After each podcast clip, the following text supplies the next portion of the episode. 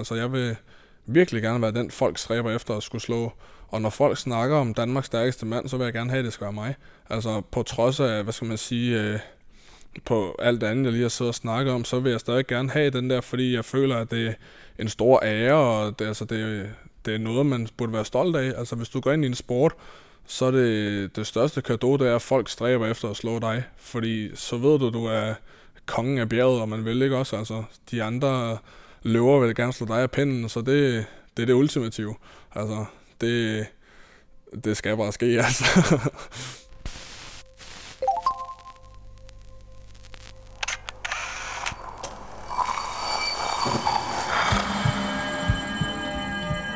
Vi ser os i spejlet hver dag. Som regel er det i forbifarten. Vi scanner lige kort, om vi ser ud, som vi skal, inden vi fortsætter vores dag. Vi ser det samme spejlbillede igen og igen i små øjeblikke. Men hvad sker der, når vi tager os tid til at se os selv i spejlet? Hvad ser vi, hvis vi ser os selv i øjnene? Sådan rigtigt. Jeg hedder Sara Fondo, og du lytter til spejlet.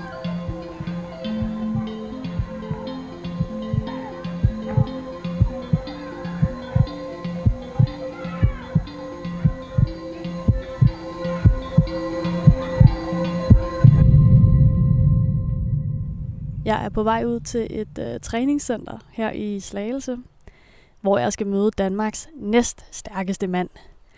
Den her titel den øh, fik han i hvert fald sidste år, og jeg ved, at han går benhårdt efter at blive Danmarks stærkeste.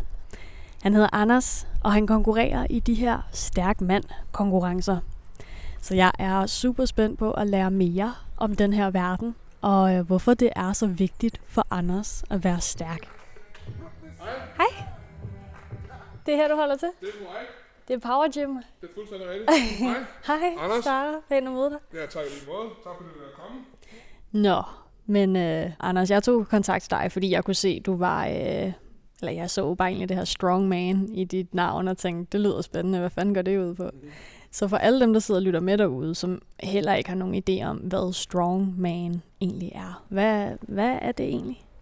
Jamen, i bund og grund så er strongman, det handler egentlig om to ting. Enten så skal du løfte den tungeste vægt øhm, øh, på kort muligste forsøg, eller så skal du få den tungste implement rykke fra A til B så hurtigt som muligt.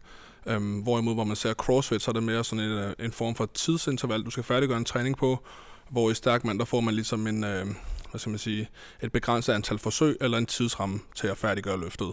Og nu spurgte jeg dig før, om der var sådan et redskab her, du sådan var særlig glad for. Og så pegede du hen på, øh, på den her øh, træstamme. Mm-hmm. Var det det, du sagde? Det er korrekt. Skal vi lige prøve at kigge lidt på den? Lad os gøre det.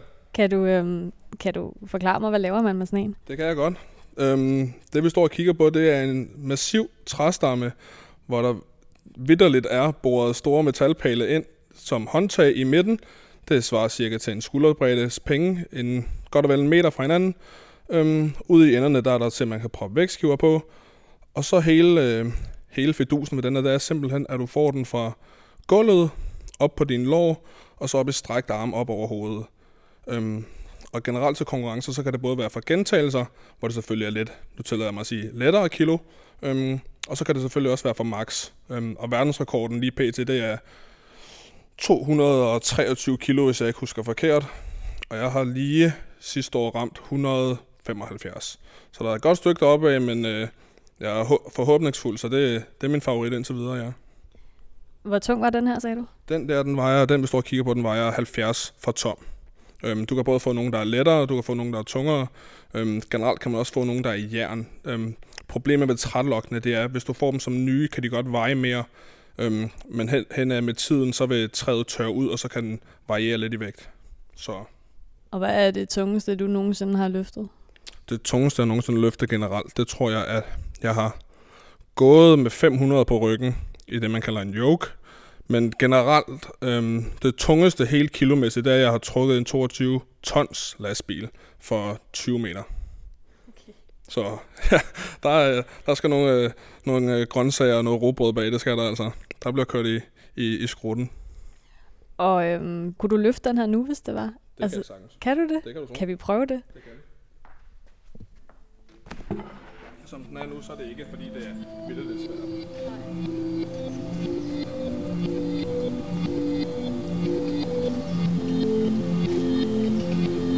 Jeg hedder Anders. Jeg har trukket en 22 tons lastbil for 20 meter på under et minut. Anders, nu har vi øh, sat os foran øh, et meget stort spejl. Plejer du at bruge øh, meget tid foran det her spejl? Det gør jeg, ja. Øhm, jeg ville jo nok lyve, hvis jeg sagde, at øh, selvom stærk man det kun er for at styrke dit og datten, så går jeg jo stærkt meget op i udseende, hvordan man, øh, man bærer sig selv, øh, hvad skal man sige, udad tid. Så øh, ja, jeg kan godt fange mig selv i både at stå og, og flexe, og hvad skal man sige, også øh, når jeg skal gejle mig selv op, kan man sige. Ikke? Fordi meget i stærk, men der er det jo øh, der selv mod ham i spejlet. Så tit, så er det ligesom, man, man finder sit indre bedst, kan man sige. Ikke? Øhm, og det er tit ved at stå og videre lidt snak til mig selv i spejlet, at jeg finder ham frem. Så det gør jeg, ja. Og selvom du kan sidde her og se på det ydre, så er det jo lidt øh, det indre, vi skal have, have frem i dag her i, øh, i spejlet. Hvordan øh, har du det med det? Altid lidt grænseoverskridende at skulle, at skulle snakke om, hvad skal man sige, det der, der stikker dybere, kan man sige. Ikke? Øhm, jeg tror også tit fordommene omkring os store fyre, kan man sige, det er også tit det, vi nede prøver at skjule det, der ligger inde bagved, kan man sige, ikke? ved vores øh, store, massive ydre og, og ditten og datten, ikke også? Så jeg er spændt, men det bliver nok lidt, hvad skal man sige, ud af min comfort zone. Ja, fordi altså, jeg må indrømme, jeg var faktisk lidt overrasket, da jeg talte med dig i telefonen, fordi jeg måske også lidt havde en sådan fordom inden, og så var du jo bare så høflig og, og meget empatisk. Har du hørt det før? Ja, altså jeg tror, det er den ting, jeg hører allermest. Øhm, også fordi jeg som sagt kommer øh, 1,85 høj i det omfang og vejer 130 kilo og med tatoveringer op og ned af armene og stretches i ørerne og sådan noget. Ikke? Så mit, mit ydre, det udstråler nok nogen, der ligesom, øh, øh, hvad skal man sige, nu tillader mig at sige, lever den kriminelle tilgang, om man vil. Øhm, og når man så lærer mig at kende, så er jeg jo helt nede på jorden og, øh, og læser til pædagog. Øh, og dit og datten, ikke? også græder, når jeg ser hundevalg ved hele muligheden, ikke? Så, så det er tit de der fordomme, der rammer, det er det. Øh, dem hører jeg tit, ja. det gør jeg. Men øh, skal vi kaste os ud i det? Det synes jeg. Jeg synes, du lige skal prøve at lukke øjnene. Og så bare øh, tage en sådan god, dyb vejrtrækning helt ned i maven. Og når du synes, du er klar, så må du godt øh, sætte dig selv i spejlet. Anders, kan du prøve at beskrive ham, du ser på lige nu? Ham, jeg ser på lige nu, det er en ung mand, vil jeg tillade mig at sige, som har været igennem mange ting, kontra han er vokset op i det, man vil betegne som en kernfamilie. Um, øhm, han er en, der har haft det svært i lang tid, um, på grund af nogle psykologiske aspekter, som han ikke har været opmærksom på indtil for et par år tilbage. Um, det er ting, der så ikke sidder dybt, når jeg skal snakke om det. Jeg kan også mærke, at jeg bliver påvirket nu af det. Ham, jeg kigger på, det er også en, som der gerne bare vil hvad skal man sige, forstås og accepteres for, hvad han laver. Um, en, der måske altid har suppleret sit store ydre for et svagt indre, som aldrig rigtig har følt, at han var god til andet end, uh, hvad skal man sige, en sportens veje, og det er også derfor, jeg ligesom sidder her med, med mit stærkmand, kan man sige, og satser hele butikken på det. Han er en, som der godt kan have svært ved at, at, at udtrykke tit, hvordan han har det, og måske har nemmere ved at ty til jokes og fis og ballade, men som inderst inden gerne bare vil øh, snakke, øh, kommunikere, have en dialog, vise, at han ikke bare er ren muskelbund, kan man sige. Ikke? Um, prøve at vise den lidt mere følsomme og sårbare side af ham selv. Lige nu sidder jeg i jernhulen, og jeg ser mig selv i spejlet.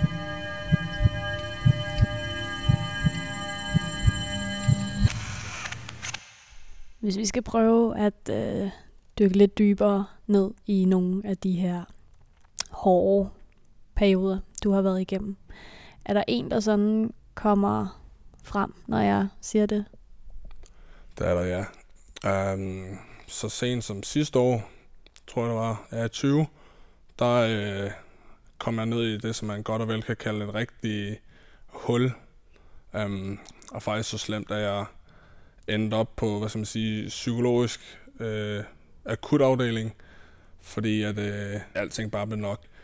Og man igen, når man tillader mig at sige, når man har det udseende, man har det om, omdømme, jeg har, så er det svært ligesom at skulle lægge sig på ryggen og, og bede om hjælp og sige, at man har det svært.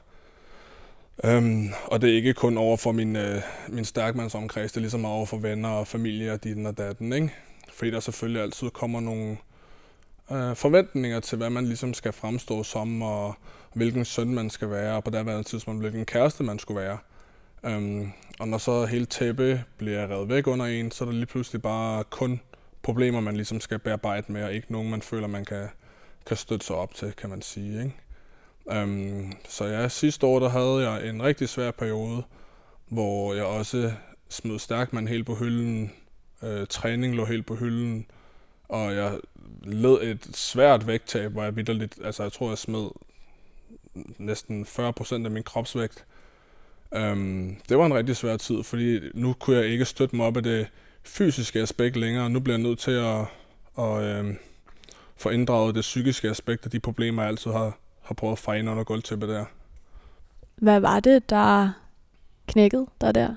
Det, der knækkede mig allermest, det tror jeg, var, at øhm, min daværende kæreste og jeg ville ligesom slå op, som jeg nok kunne have forebygget ved at have snakket med hende om, hvordan jeg havde det, og bedt om hjælp omkring mine, som sagt, psykologiske problemer. Jeg blev konstateret, eller fik konstateret både noget angst og noget depression og separationsangst ved, at, øh, at jeg ikke var særlig god til at, at skulle hvad skal man sige, undvære folk, som jeg havde tæt på mig. Øhm, samtidig med det, så får jeg også konstateret noget, noget ADHD, der ligesom, hvad skal man sige, bunder ud i mange af de problemer, som jeg ligesom altid har forårsaget for mig selv. Og den grænsesøgende og grænseoverskridende adfærd, jeg har haft i mine yngre dage, øhm, for ligesom at søge en form for anerkendelse, fordi at, at jeg har svært ved at se mig som god nok på andre måder end fysisk. Øhm, så det, der gjorde udslaget, det var ligesom, at øh, på daværende tidspunkt, at øh, en person, som jeg så som den eneste trygheds, hvad skal man sige, øhm, kontakt, jeg havde, blev forsvandt, kan man sige, ikke også?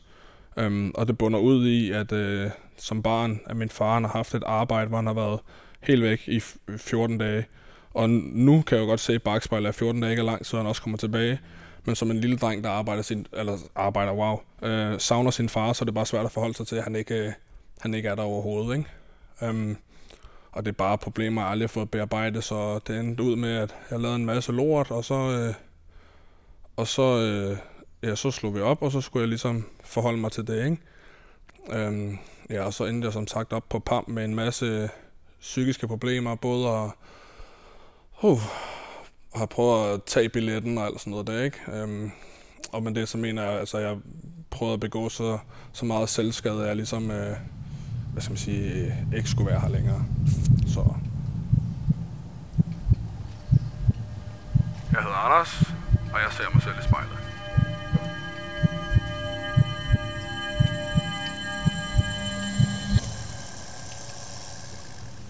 Og Anders, jeg ved, at, øh, at du engang var på et sådan lidt andet spor, end det du er nu. Du spillede øh, amerikansk fodbold, og, øh, og havde egentlig tænkt, at du skulle til, til USA og, og forfølge den drøm. Kan du prøve at tage mig øh, tilbage i tiden til den gang? Hvad, hvad er det, der sker her? Jamen, i, i bund og grund, så, øh, så var det ligesom amerikansk fodbold, der fik mig både på, hvad skal man sige, på træningens vej, og også et eller andet sted på rette spor, tror jeg, fordi i folkeskolen, som sagt, der var jeg meget vred og rent måske også lidt med nogle forkerte gutter, der aldrig rigtig, øh, øh, hvad skal man sige, har vælget noget proaktivt. Det har mere bare været fis og ballade og fest og stoffer og alt sådan noget. Det er ikke også... Øh, og da jeg så finder amerikansk fodbold som de der 10-11-årige der, så kan jeg bare mærke, altså der er bare noget i mig, der, der vil det her. Altså, jeg kan mærke, at jeg føler, at jeg kan blive god til det. Jeg kan mærke, at, øh, at det er det her, der så gøre, at jeg ligesom ikke lægger mit liv om, fordi det ved man jo ikke som 10-årig. Men jeg havde en drøm om at tabe mig, og det følger jeg kunne gøre ved amerikansk fodbold. Øhm, og så, øhm, så tager det ene bare det andet. Jeg bliver bedre og bedre, og får meget mere ros af mine træner, og ender også på både juniorlandsholdet og seniorlandsholdet.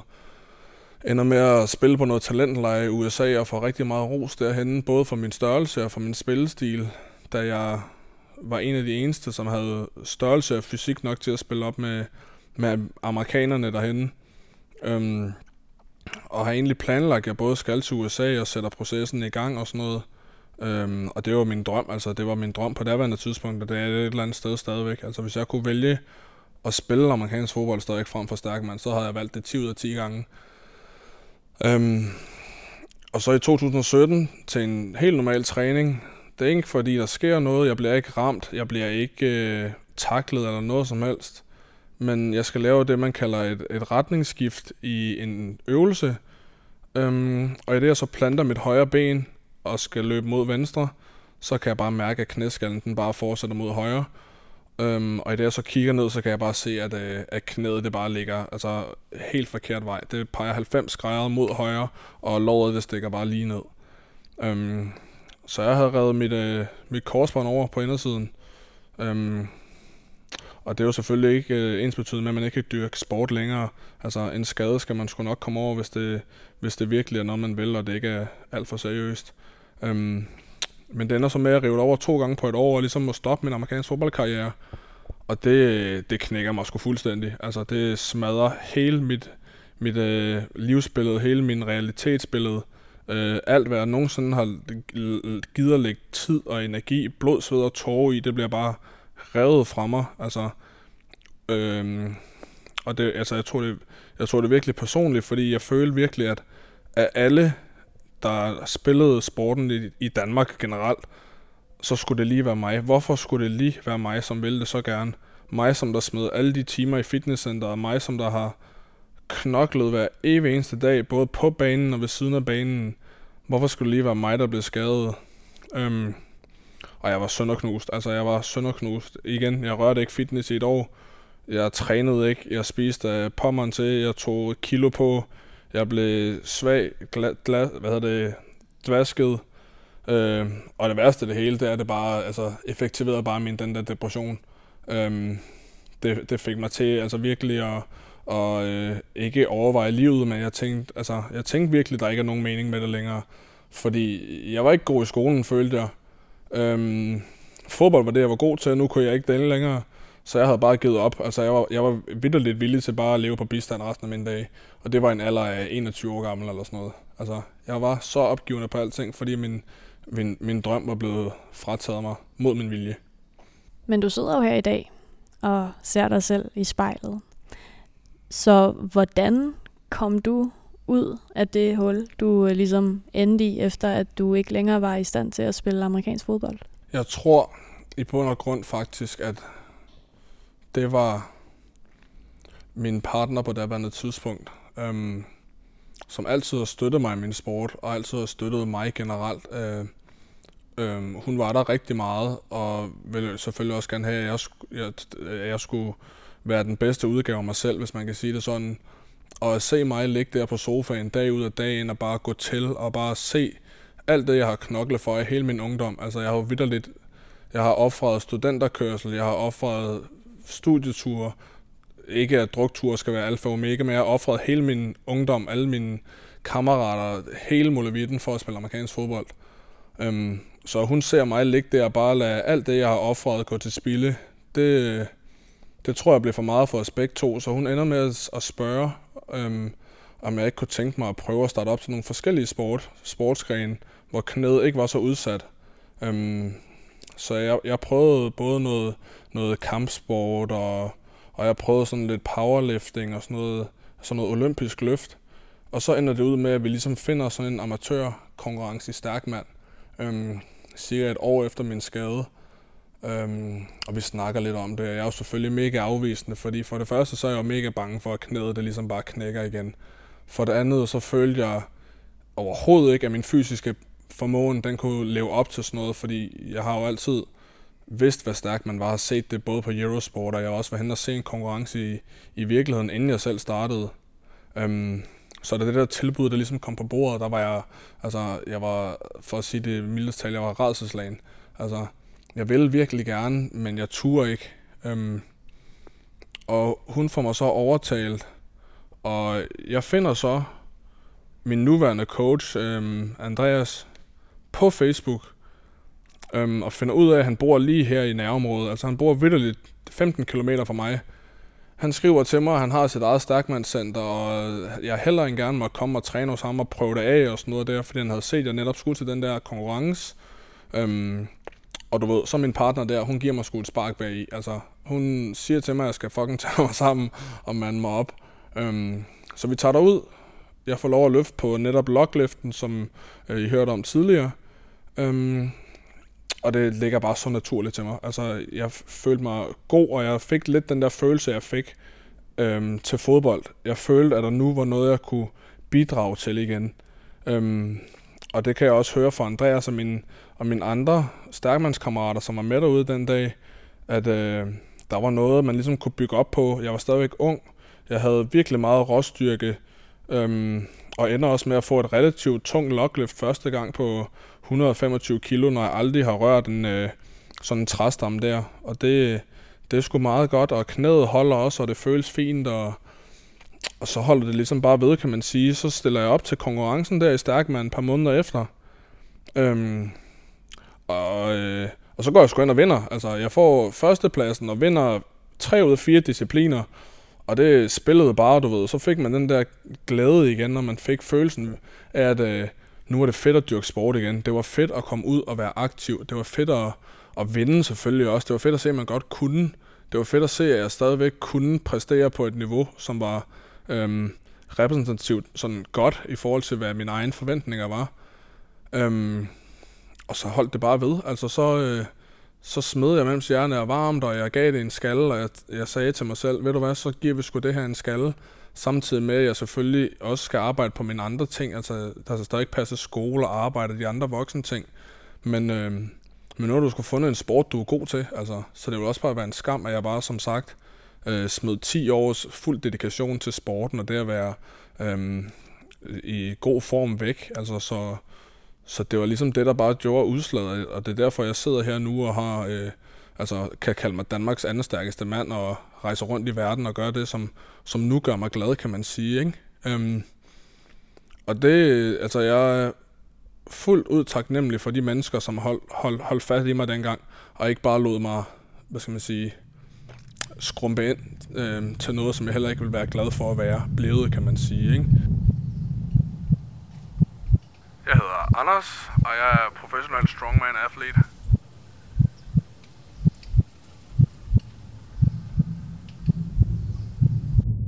Hvilken betydning har det haft for dit selvbillede, at du ligesom fandt Strongman? Strongman har helt sikkert været med til at danne mig til en person, som jeg er stolt af at være. Øhm, jeg tror for første gang vildt, jeg nogensinde kan sige, at jeg er stolt af mig selv. Øhm, og det er ikke bare for min fysiske formåen i stærk mand, men øh, hvem jeg generelt er som person. Og det er både inden i sporten og uden for sporten. Øhm, jeg, jeg føler, at måske det er sådan lidt for meget at sige, at man er et godt menneske, men jeg føler i hvert fald, at øh, jeg er et godt menneske over for mig selv. Øhm, jeg gør noget, der gør mig glad. Øhm, øh, jeg bidrager med ting, hvor jeg kan. Øhm, jeg har folk, der ser op til mig, der gerne vil coaches af mig, for det jeg ligesom kan, kan yde i stærkmand, kan man sige, ikke også? Øhm, og øh, så jeg tror helt sikkert det, at jeg har fundet strongman, og fundet disciplinen i mig selv igen til ligesom at, at kæmpe, selvom tingene bliver svære. det har helt sikkert været med til at, at gøre, at jeg var et meget stærkere menneske, både fysisk og psykisk, end jeg bare var for et, for et år siden. Så, så stærk man, det har helt sikkert. Øhm, ja, jeg vil næsten sige, det har givet mig mod på livet igen et eller andet sted, ikke også? Altså, fordi det er, ligesom, det er med til at gøre, at jeg har noget, jeg føler, jeg kan stå op til, som gør mig glad, og som bidrager med, at resten af min dag bliver god. Så stærk mand, det har, det har fået en stor plads i mit hjerte, det har det. Hvad har været den aller, aller fedeste oplevelse, som du har haft gennem Stærkmand? Det allerfedeste, jeg oplevede i Stærkmand? Oh, det var at være at blive Danmarks anden stærkeste mand to år inde i min rejse, kan man sige. Um, og mærke den der følelse af, at alt dit hårde arbejde bare frugt, og alle de dårlige ting, du altid har tænkt om dig selv, bare se dem forsvinde, og bare altså, mærke, hvor stolt din coach han er af dig, og øhm, dine forældre de er af dig, dem der ser med og støtter dig, og få alle de rosende beskeder. Øh, øh, og så i et felt, som er så stærkt som det, vi stiller op imod herhjemme. Vi har nogle rigtig dygtige, stærke mænd, som jeg er meget beæret over at få lov at stille op imod, fordi jeg ved også, at de, det, at de er så gode, det gør også mig bedre. Øhm, og det gør, at jeg ikke hviler på laverbærene. Øhm, så det at blive Danmarks anden stærkeste mand inden for sådan en relativt kort tid, det er nok det fedeste, jeg har oplevet. Øhm, tæt efterfulgt af, at jeg har været med til Champions League inden for stærkmand. Det er ligesom det samme i fodbold, bare inden for stærkmandsverdenen, øhm, hvor man kommer ud i verden og får lov at repræsentere Danmark og sådan noget der. Og det synes jeg også er super fedt. Øhm, jeg er rigtig stolt af, at sådan et lille land som os her i Danmark, vi kan producere gode atleter i noget så en, øh, hvad skal man sige, styrkedomineret sport som stærk mand. Øhm, og at jeg får lov at være en af dem, det, det, det synes jeg er øhm, ubeskriveligt nærmest. Altså det er, det er så fedt. Og du skal jo til øh, Ukraine lige om lidt. Hvad er dine forventninger til det?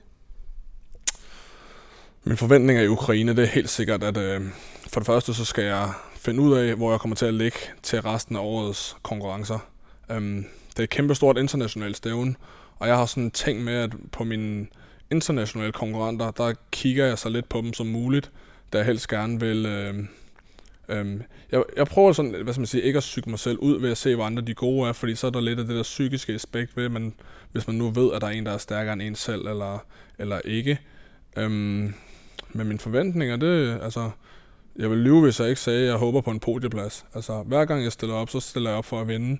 Øhm, og så tror jeg sådan lidt, at jeg altid kommer med den der underdog-mentalitet. Øhm, fordi jeg godt ved, at der er måske nogle af dem, der både vejer mere end mig, eller muligvis er stærkere end mig. Øhm, men jeg vil våge at påstå, at jeg ikke føler, at der er nogen, der arbejder hårdere, end jeg gør. Altså, så ligesom at, øh, at øh, jeg plejer altid at sige, at ligesom brumbassen ikke burde kunne flyve med den små vinger, øhm, det er den samme mentalitet, jeg bringer til stærkmand hver gang. Jeg er muligvis ikke den største, og ikke den hurtigste, men jeg skal nok få proppet nogle point på tavlen og give de andre en øh, konkurrence for deres penge. Så podieplads, ellers så kan jeg lige så godt blive hjemme. Og som du selv siger, så bruger du jo altså uhyre meget tid hernede øh, foran spejlet med alle de her kæmpe store vægte, der ligger foran os. Hvad, sådan, hvad, er, hvad er målet eller drømmen? Altså, hvor, øh, hvor er du på vej hen? Hvad skal der ske med det hele? Jeg plejer altså at lægge en plan, sådan et kortsigtet mål, og det vil helt sikkert at blive Danmarks stærkeste mand inden for to-tre år. Altså, det er helt sikkert det, jeg skyder efter lige nu. Også fordi jeg faktisk føler det inden for rækkevidde. Øhm, så det er helt sikkert noget, jeg vil, jeg vil smide hele butikken på, hvis man kan sige det sådan, ikke? Øhm, gå 100% efter. Og det langsigtede mål, og som er det overordnede, og hvis jeg når det, så føler jeg vidderligt, at jeg godt kan hænge mine stærkmandståler på hylden, øhm, so to speak. Øh, og det vil simpelthen bare være at deltage til verdens stærkeste mand. Hvis jeg kan få lov at deltage til verdens stærkeste mand og repræsentere de danske farver dernede, og bare kunne kalde sig top 20 på verdensplan, verdensplan ikke også? Altså så, øh, så føler jeg, at jeg, jeg har gjort mit. Øhm, selvfølgelig vil man altid, som sagt, gerne komme på podiet. Det er klart. Men VM, det er det ultimative for mig.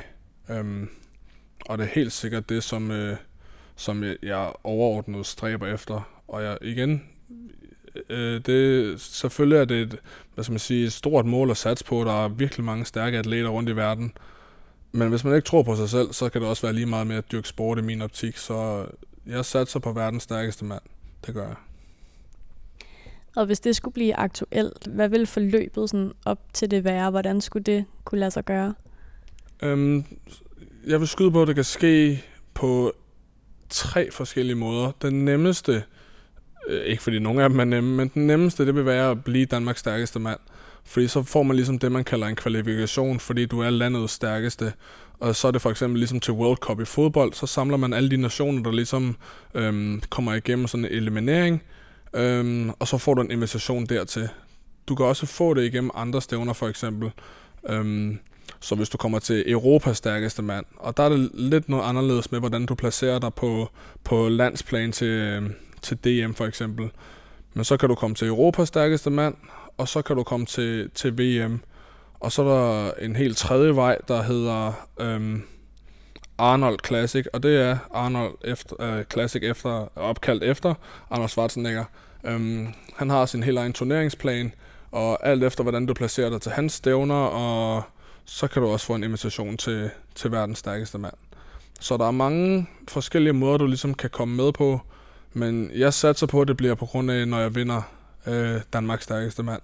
Øhm, og jeg tror også et eller andet sted, det vil være den, jeg er mest stolt af. Fordi så føler jeg faktisk også, det er mig, der repræsenterer landet, fordi jeg er den stærkeste af, af alle herhjemme, kan man sige. Ikke? Så, så det håber jeg, det bliver, det bliver min vej til VM. Ja.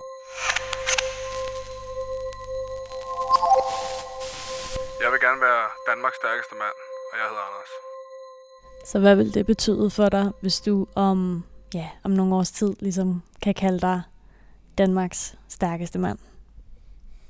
Det vil betyde vidderligt alting. Altså, jeg tror ærligt ikke engang nu, at jeg, kan, jeg vil kunne beskrive, hvordan det vil føles, fordi det er virkelig noget, som, som jeg brænder for. Altså, det, det er det ultimative, jeg føler, jeg kan opnå og præstere øhm, som et individ lige nu. Øhm, at få lov at kalde sig noget så stort som Danmarks stærkeste mand, især med vores regerende øh, Danmarksmester, som har vundet det syv år i træk, mener jeg, det er. Og inden ham, der øh, var der også en, der har haft det 7-8 år i streg. Så det viser, at vores Danmarksmester, det er nogle rigtig stærke gutter, der holder, hvad skal man sige, titlerne længe. Øhm, og jeg håber selvfølgelig også, at det vil være noget, jeg bliver. Altså, øhm, når jeg vinder det, så vil jeg da også gerne kunne holde det i øh, ja, 10 år, hvis man kan, sådan, så man ikke bare bliver set som sådan en døgnflue, der bare er heldig og vinder det et år, og så næste år, så skifter den ejermand, kan man sige. Ikke? Øhm, så jeg vil gerne have lov til ligesom at være den, som folk stræber efter at skulle slå. Altså, det vil også være et ekstra, hvad skal man sige, chip på min skulder, at jeg faktisk ved, at jeg skal gøre noget for at holde på den. Sådan så det ikke bare er sådan noget med, at så kommer de året efter, og så slår de mig bare så, så let som ingenting, ikke også? Altså, jeg vil virkelig gerne være den, folk stræber efter at skulle slå. Og når folk snakker om Danmarks stærkeste mand, så vil jeg gerne have, at det skal være mig.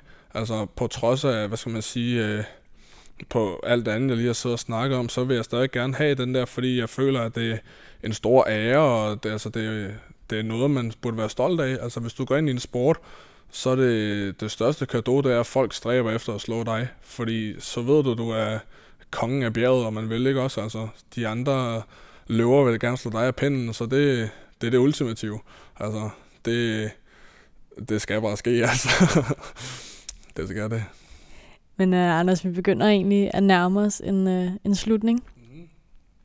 Hvordan har det været at, uh, at åbne op over for mig, mens du uh, har siddet og set på dig selv?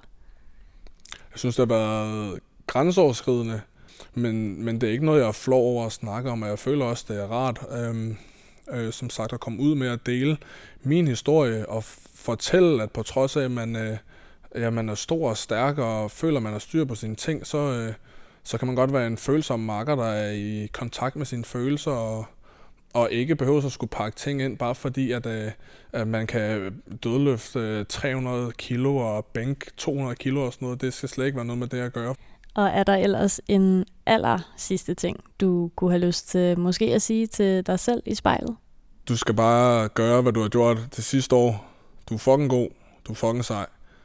Um, alle de ting, som hatersne eller whatever, de siger om dig, om at du er hård og arrogant og dit og datten, alle de fordomme, der må være, det passer ikke. Du ved, hvem du selv er. De mennesker, der holder af dig, de ved, hvem du er. Og hvis du bliver ved med at gøre, hvad du gør nu, så skal du nok både gøre dig selv stolt, og du skal gøre din far stolt, det ved jeg, du gerne vil. Og så skal du bare blive ved med at knokle, fordi der er ikke nogen, der knokler ligesom dig.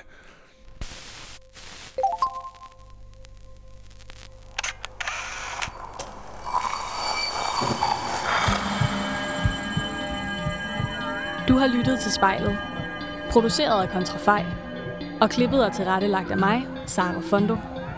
Hvis du har noget på hjerte, eller hvis du har en idé til, hvem der skal stå foran spejlet, så skriv til os på Instagram.